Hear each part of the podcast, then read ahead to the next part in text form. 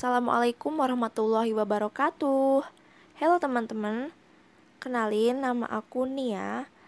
Kali ini Nia mau bahas topik yang lumayan jadi trending nih sekarang, yakni hashtag di rumah aja yang booming karena adanya pandemi COVID-19 yang sampai sekarang masih jadi perbincangan banyak orang ya. Terlebih kita sebagai seorang mahasiswa dan mahasiswi yang otomatis juga ter kena dampaknya dan mau gak mau nih kita harus menjalani kuliah secara online atau secara daring selama berminggu-minggu atau bahkan ada yang sampai berbulan-bulan Nah, maka dari itu nih Nia mau tanya-tanya sama beberapa temen Nia yang dari kampus luar, yang dari luar Udinus. Sebelumnya Nia sebutin dulu ya yang bakal ada di podcast ini. Yang pertama ada Paran, yang kedua ada Ahmad, yang ketiga ada Teh Mutia, yang keempat ada Bang Alfit, yang kelima ada Tiara, dan yang terakhir ada Noval. Kira-kira gimana ya tanggapan dari mereka? Yuk dengerin tanggapan serta tips dan triks dari mereka dalam menyikapi situasi yang seperti ini. Jangan lupa dengerin sampai habis ya, semoga bermanfaat.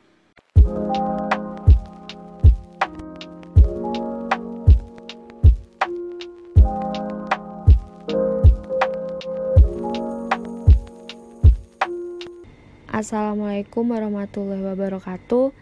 Halo teman-teman Pejuang dari hilangnya COVID-19 yang sekarang masih terkurung di dalam rumah Tetap semangat ya, masih panjang perjalanan kita ke titik di mana kita bisa ngelakuin rutinitas normal kayak biasanya.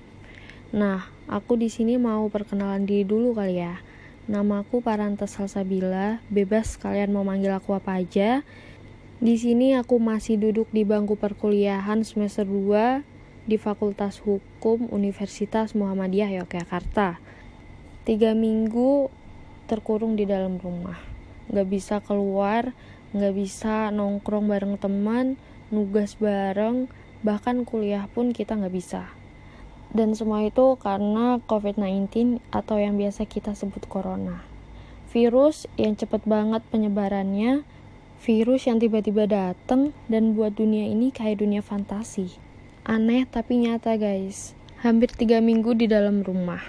Kira-kira teman-teman di sini udah ngelakuin apa aja nih sejauh ini? Selain kuliah online yang wajib kita lakuin.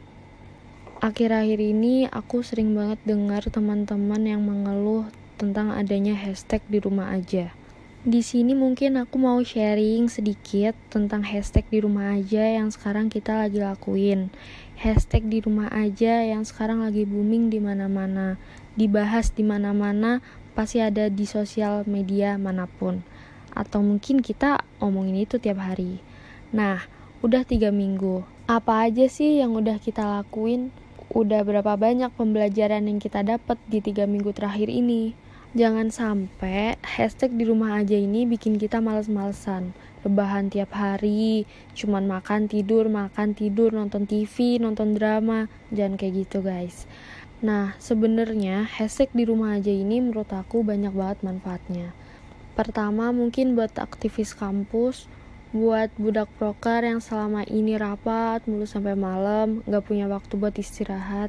Nah, ini kesempatan kalian buat istirahatin sejenak tubuh kalian. Mungkin beberapa hari awal kita seneng banget bisa rebahan tiap hari, males-malesan. Tapi karena kita manusia, yang pada hakikatnya kita ini nggak bisa ngelakuin sesuatu yang monoton, pasti kita bakal bosan. Dengan di rumah aja ini, sebenarnya kita ini punya kesempatan yang lebih besar buat ngembangin apa yang kita suka, apa hobi kita, dan hal-hal yang sebelumnya kita nggak bisa lakuin. Kata siapa kita nggak bisa maju karena hashtag di rumah aja ini? Nggak bisa maju atau majunya seseorang itu tergantung kita dan cara kita menyikapi. Jangan jadiin hashtag di rumah aja ini sebagai alasan kita nggak bisa maju. Jangan isi waktu kosong kita ini buat ngeluh tiap hari guys. Sesekali oke okay lah kita boleh mengeluh karena kita ini emang manusia yang bisa capek yang bisa kesel. Dan di sini cara aku buat mengatasi kejenuhanku selama di rumah itu aku masak, bantu mama masak atau enggak aku coba-coba resep baru yang kekinian yang lagi hits ini guys entah itu bikin dessert atau sebagainya terus kedua untuk mengasah intelektualku aku beberapa kali ikut diskusi online yang diselenggarakan oleh beberapa organisasi pergerakan atau komunitas yang aku tahu biasanya mereka menggunakan media WhatsApp atau Zoom Room yang biasanya kita pakai juga di saat kuliah online. Setelah itu aku manfaatin juga waktu luangku ini buat baca buku, menambah wawasan dan ilmu. Kalau udah bosan banget, aku biasanya nonton film. Buat yang suka ngegame, bisa juga diselingin sama game. Atau enggak kita juga bisa teleponan bareng teman-teman, video call bareng, kayak gitu. Selain itu, kita juga bisa loh bikin DIY room decor, dan sebagainya. Gila coy, sebenarnya banyak banget yang bisa kita lakuin. Dan pesanku buat teman-teman yang masih suka keluyuran di luar, nongkrong bareng-bareng di cafe ramean, tolong banget ditinggalin buat sementara waktu ini sampai bumi kita kembali normal, sampai bumi kita ini sehat lagi. Karena pada dasarnya kita semua juga pengen bebas gitu. Cuman tolong jangan egois. Dan buat teman-teman yang sejauh ini udah ada di rumah, udah mengurangin aktivitasnya di luar rumah, tetap semangat terus. Lakuin hal-hal yang berguna, masih banyak banget hal-hal bermanfaat yang kita bisa lakuin di rumah ini. Semangat juga buat kuliah online-nya, tugas-tugas online. Jangan suka nunda tugas karena nanti kalau udah numpuk kita sendiri yang bakal ribet. Jadiin pandemi ini adalah sebuah pembelajaran buat kita di mana pertemuan itu benar-benar istimewa karena sekarang aja kita pengen ketemu teman aja sesusah itu gitu Nah, yang terakhir kita harus tetap jaga kesehatan, makan makanan yang bergizi, ikutin terus berita mengenai COVID-19 ini agar kita bisa mencegah. Karena mencegah itu lebih baik daripada mengobati. Tapi berita ini jangan kita telan mentah-mentah, guys. Kita harus tetap mencerna, kita harus berpikir secara bijak, oke? Okay? Um, mungkin segitu aja yang bisa aku sampaikan, yang aku bisa bagiin cerita tentang pengalaman dan lain sebagainya. Maaf banget kalau ada kesalahan kata. Semoga bisa sedikit membantu, diambil positifnya, dibuang aja negatifnya. Semoga kita ketemu lagi di lain waktu. Bilahi fisabilil haq fastabihul khairat. Wassalamualaikum warahmatullahi wabarakatuh.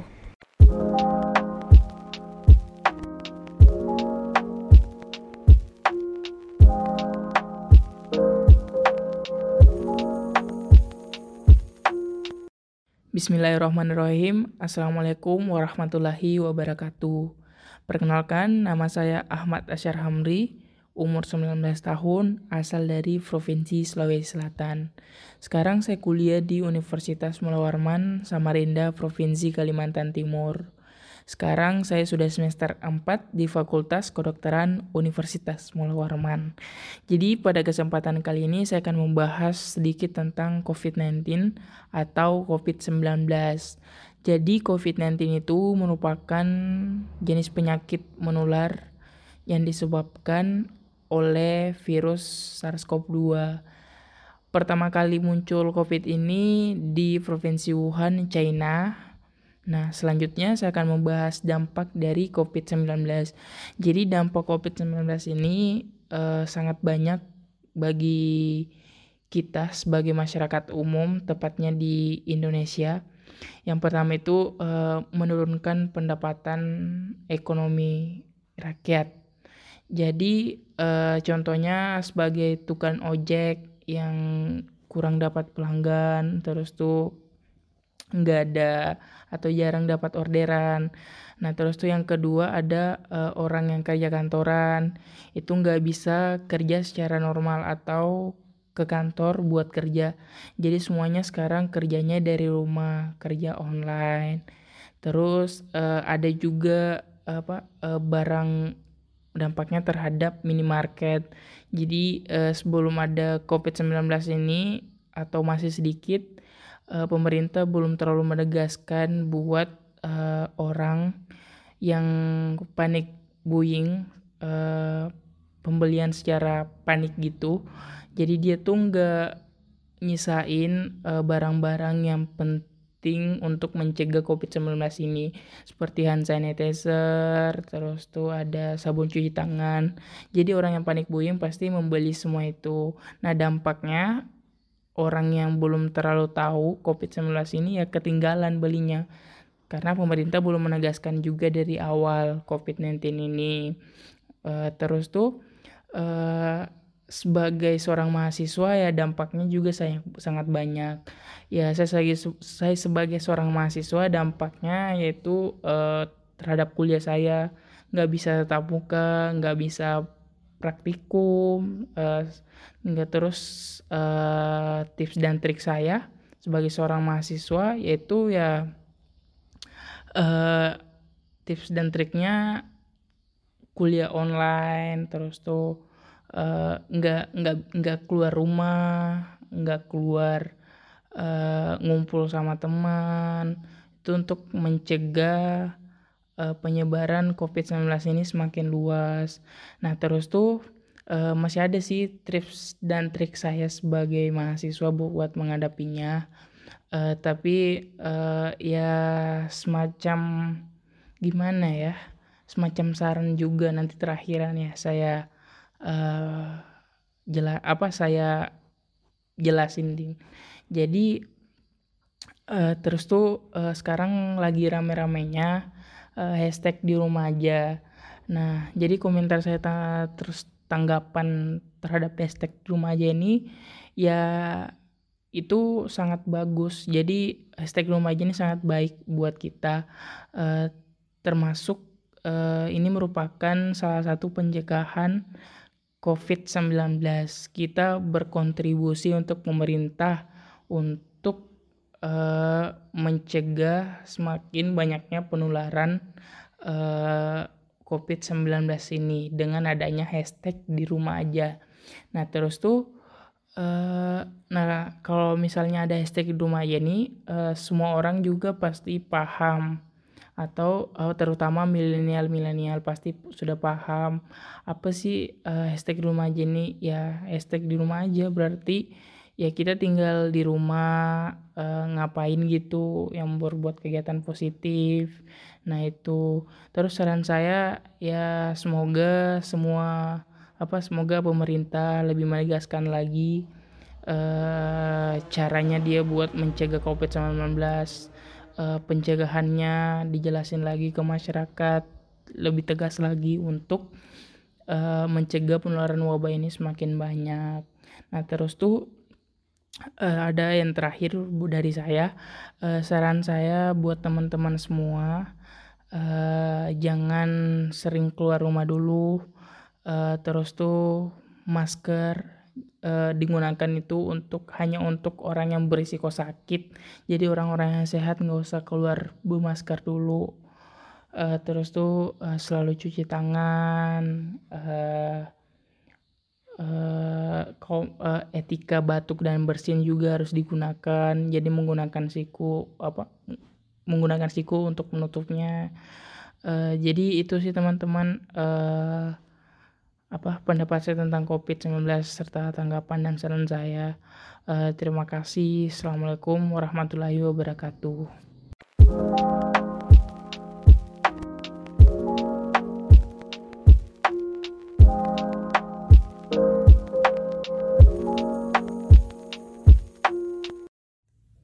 Assalamualaikum warahmatullahi wabarakatuh. Hai teman-teman yang kemungkinan besar lagi di rumah Karena menjalankan hashtag di rumah aja. Yuk kita tos karena aku pun sama di sini lagi di rumah aja. By the way kita kenalan dulu kali ya. Hai nama aku Mutia Wahida Rahmi. Aku mahasiswi Telkom University Bandung Jurusan Ilmu Komunikasi 2016 Salam kenal ya Gimana nih teman-teman yang udah berminggu-minggu di rumah aja nggak bisa nongkrong, nggak bisa ke kampus, nggak bisa beraktivitas seperti biasanya. Walaupun memang banyak godaan, pengen banget keluar, pengen banget nongkrong, tapi tahan dulu demi kebaikan bersama, oke? Okay? Di rumah aja ini menurut aku lumayan sulit, lumayan challenge lah ya, challenging Apalagi bagi aku mahasiswa tingkat akhir yang sedang mengerjakan skripsi yang sebenarnya harus bimbingan terus-menerus, tapi sekarang karena di rumah aja, aku harus bimbingan online. Dan itu sulit banget teman-teman kalau menurut aku ya. Karena sebelumnya aku sudah terbiasa buat bimbingan face to face sama pembimbing aku. Dan beliau pun memang dari awal sudah kayak apa ya wanti-wanti lah. Oke lah kamu bimbingan sama saya mending face to face aja. Oke pak. Tapi sekarang karena harus di rumah aja ya agak sulit teman-teman. Jadi paling itu sih suka dukanya anak semester akhir di saat di rumah aja tapi harus berkutat dengan skripsinya gitu. Nah, karena pertemuan kita secara face to face itu dibatasi, sekarang kita pasti tidak bisa dipungkir ya kalau semisalkan konsumsi terhadap media sosial atau media-media lainnya itu lebih meningkat karena sebagai pengganti pertemuan fisik kita pasti lebih banyak menggunakan sosial media buat berhubungan sama teman-teman, sama keluarga, sama siapa pun itu yang jauh di sana. Jadi kita lebih sering menggunakan sosial media. Nah, mumpung attention kita sama sosial media lagi tinggi nih karena di rumah aja, please banget aku minta ke teman-teman buat gunain sosial media sebaik mungkin. Selain buat berkomunikasi, sosial media juga bisa jadi salah satu apa ya? Salah satu alat mungkin untuk mengurangi penyebaran COVID-19.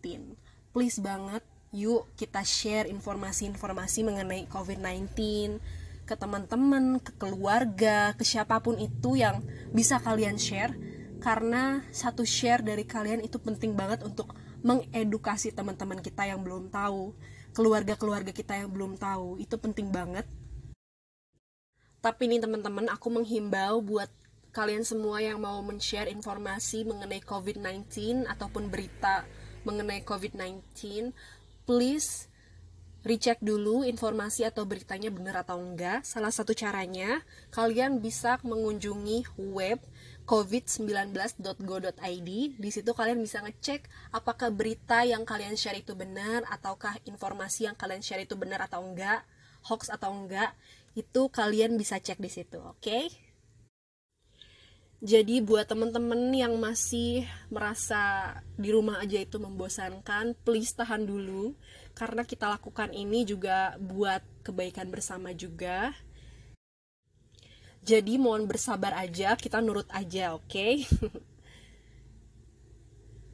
Padahal sebenarnya di rumah aja juga nggak selamanya membosankan kok. Kita masih bisa fine-fine aja selama masih ada yang kita kerjakan di rumah, selama masih ada kegiatan di rumah Contohnya aku pribadi, aku berusaha untuk mengingat kembali apa sih yang pernah aku tinggalin selama aku sibuk kuliah. Ternyata banyak banget hal-hal yang aku korbankan karena aku mau fokus kuliah. Contohnya main musik, terus juga menggambar, bikin cover lagu, menyanyi. Banyak banget hal-hal yang aku lupain di saat aku sibuk.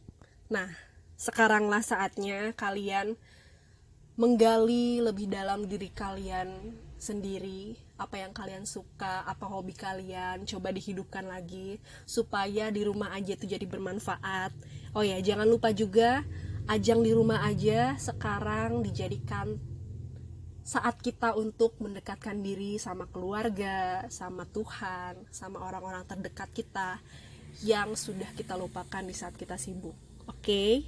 gitu aja kali ya dari aku pengalamanku dan uh, sedikit tips dari aku mengenai hashtag di rumah aja. Senang bisa sharing sama kalian. Assalamualaikum warahmatullahi wabarakatuh.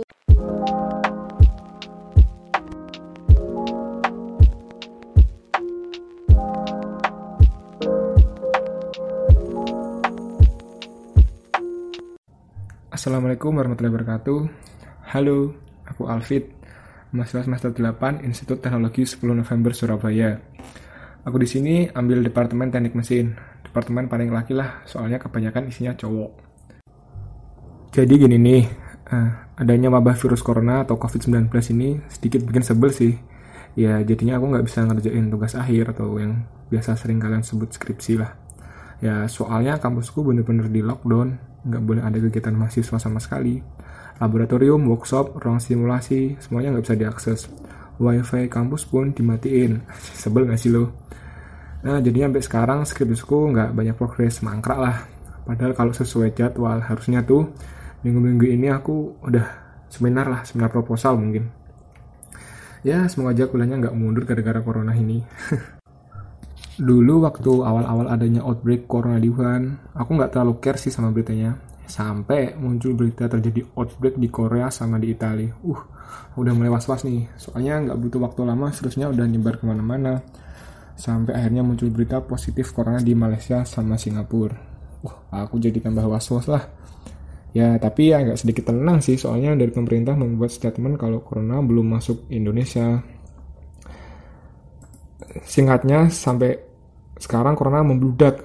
Lihat tuh, banyak korban jiwa hampir. Hampir tiap hari kalau nggak salah 10-20 orang meninggal.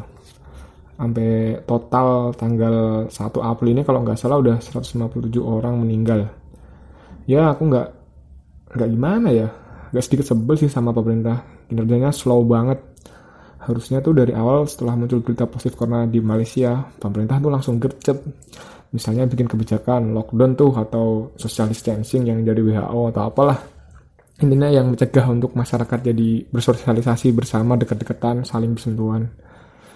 Nah, masalahnya sudah tahu gitu, masyarakatnya juga kurang sadar diri.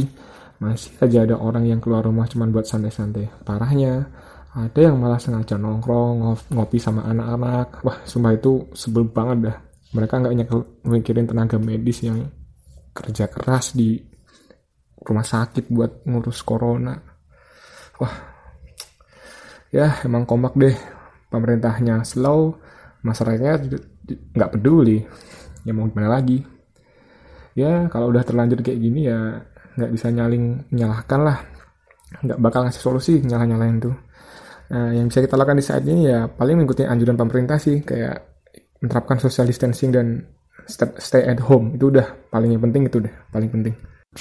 Soal social distancing yang dianjurkan pemerintah, aku setuju banget sih. Itu kalau diterapin benar-benar sama warga, yakin deh nggak bakal membludak kayak gini. Dari kemarin yang aku baca dari Kompas, caranya itu paling efektif untuk mengurangi transmisi virus dari mulut atau hidung saat ada orang batuk tujuan utama social distancing eh, yaitu mengurangi besarnya wabah sih menunda terjadinya puncak epidemi ini sama mendistribusikan jumlah penderita infeksi dalam periode waktu yang lebih lama agar beban terhadap sistem kesehatan itu berkurang. Jadi sistem kekebalan kita itu nggak nggak lemah lah. Soalnya harus melawan corona harus melawan bakteri-bakteri. Jadi seenggaknya sistem kekebalan tubuh kita itu bisa fokus ngadepin corona kalau kita sehat lah ini Selain itu, pemerintah juga lagi mengampanyekan stay at home, di mana kita dianjurkan untuk tetap tinggal di dalam rumah.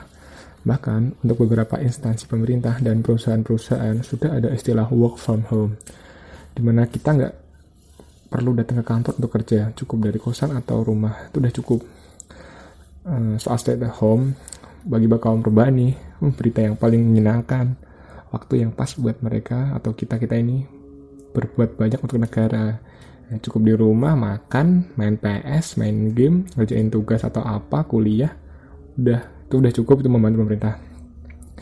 Ya sebenarnya tujuan utama dari stay at home tuh kalau menurutku sih biar kita nggak terus virus ini sih. Soalnya takutnya kalau kita keluar rumah bisa kita bisa aja kita kontak dengan orang yang putus corona. Misalkan nyentuh nyentuh atau jabat tangan terus kena bersihnya atau nggak sengaja tersenggol atau atau nyentuh bajunya itu kan bahaya banget sih. Nah, bagi orang yang positif corona atau orang dalam pengawasan, stay at home dapat memutus mata rantai penyebaran virus. Ya, karena pasien tersebut nggak nggak bisa melakukan kontak langsung lah dengan orang yang masih sehat atau nyentuh-nyentuh benda yang sering tersentuh misalkan pegangan di bis atau kursi-kursi di bis atau apalah. Itu kan bahaya banget gak sih? Selain social distancing dan stay at home aku juga mau ngasih sedikit saran sih agar kita terhindar dari wabah corona Uh, pertama tuh cuci tangan sesering mungkin sih dan gunakan hand sanitizer itu juga penting tuh agar virus-virus yang di tangan bakteri mati. Nah, ini cara paling efektif sih untuk membunuh virus atau ya kuman-kuman lah karena udah diuji di lab-lab. Nah, kedua itu minum multivitamin karena multivitamin dapat meningkatkan imun tubuh sehingga kita tidak mudah drop. Nah, kalau tubuh kita drop, yakin dah virus corona bisa nyerang kita dengan mudah. Soalnya nggak ada pertahanan tubuh lagi yang bisa menahan virus corona selain imun saat ini. Ketiga, gunakan masker saat keluar rumah. Ingat ya, tapi jangan gunakan masker medis. Gunakan masker kain. Uh, gue paling sebel banget dah kalau ada orang yang pakai masker medis.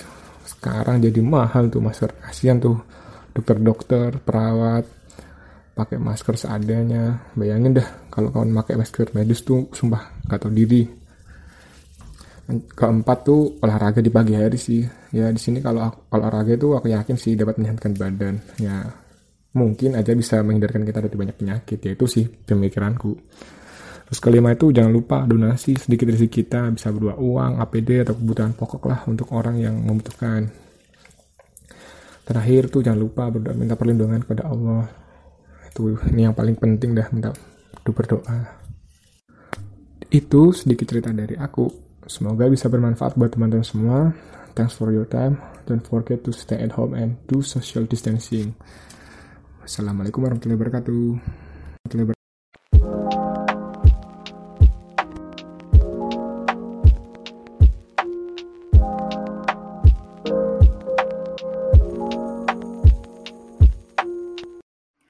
Assalamualaikum warahmatullahi wabarakatuh.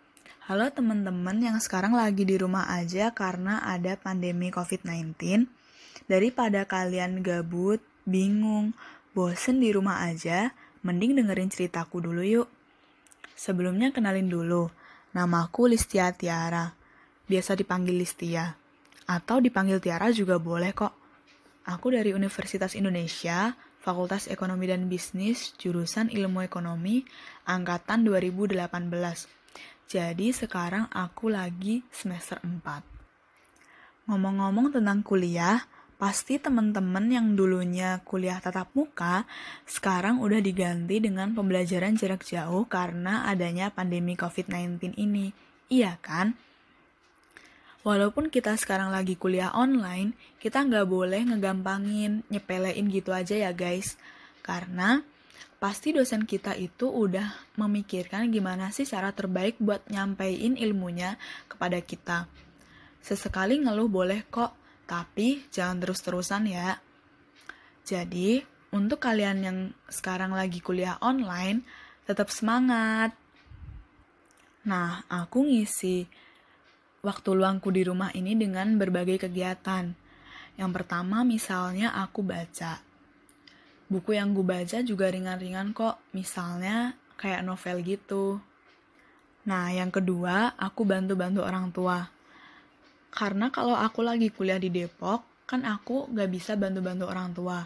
Nah, mumpung sekarang aku lagi ada di rumah, jadi aku memaksimalkan waktuku buat bantu-bantu orang tua bantu-bantu yang ringan-ringan aja guys misalnya kayak masak beres-beres rumah kayak gitu terus yang ketiga karena aku nggak bisa ketemu sama temen-temen kuliahku yang biasanya setiap hari kita selalu ketemu curhat-curhat bareng cerita A sampai Z. Nah aku jadi video call sama mereka. Cerita-cerita apa aja? Misalnya cerita apa yang kita lakuin hari ini. Terus besok-besok mau ngapain aja sih? Kayak gitu.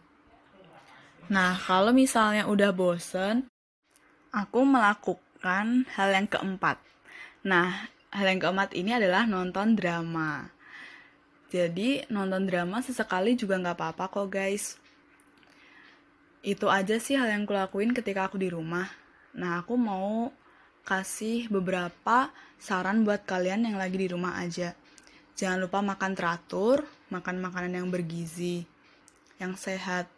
Terus, jangan lupa berjemur dan olahraga. Berjemur di luar rumah sekitar 10-15 menit di pagi hari udah cukup kok. Nah, segitu dulu ya guys cerita dari aku. Makasih yang udah mau dengerin ceritaku. Wassalamualaikum warahmatullahi wabarakatuh.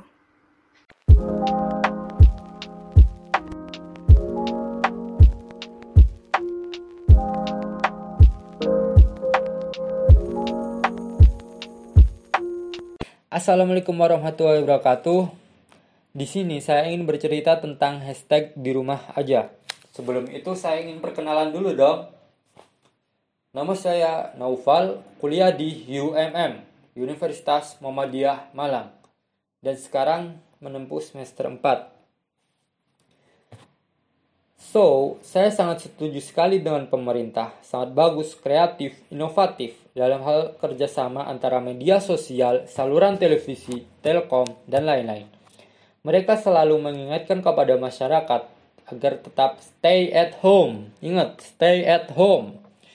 Supaya penyebaran virus COVID-19 di mana wabah virus ini sudah menyebar ke seluruh dunia itu berhenti guys Memang itu cara yang terbaik untuk memutus rantai penularan COVID-19 yang sekarang menjadi pandemi di dunia.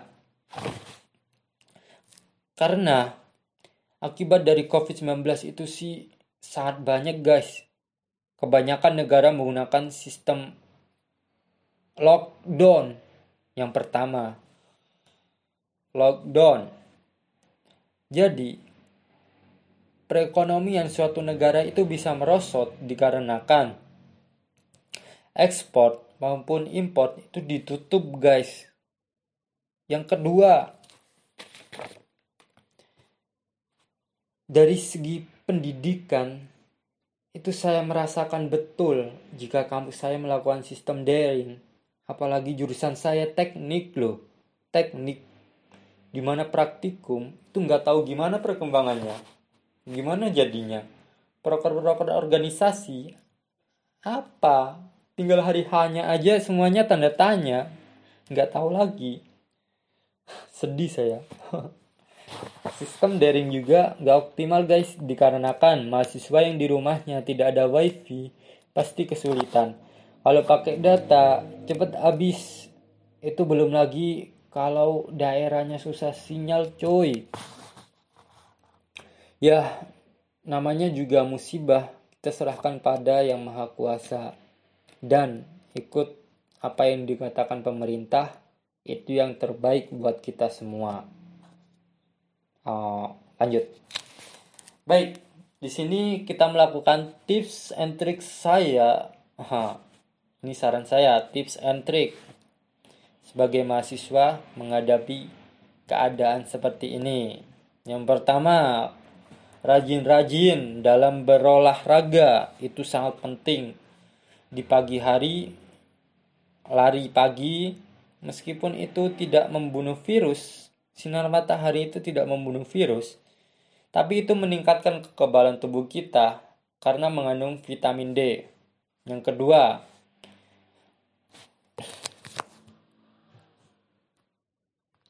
yang kedua ingat jangan lupa sarapan, makan malam, makan siang, tiap hari tiga kali sehari lah. Itu wajib guys. Yang ketiga, jangan lupa istirahat juga. Kesehatan itu dijaga. Oke? Okay? Eh, yang terakhir, khusus bagi para pelajar.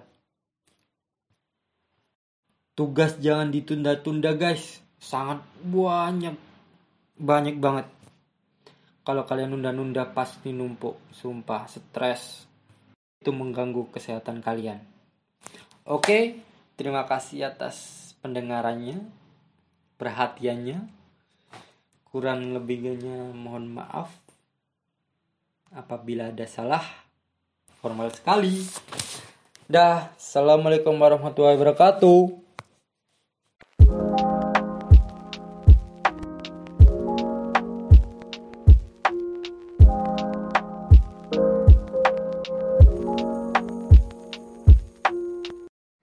Jadi, dengan kita tetap di rumah aja atau stay at home, kita udah ikut serta nih atau berkontribusi dalam memperlambat penyebaran virus corona ya.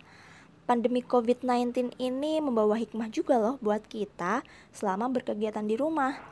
Karena terdapat waktu luang yang dapat kita gunakan untuk lebih mendekatkan diri dengan Allah Subhanahu wa taala.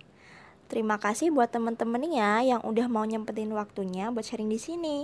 Semoga cerita kalian bisa menginspirasi teman-teman lainnya. Wassalamualaikum warahmatullahi wabarakatuh. See you.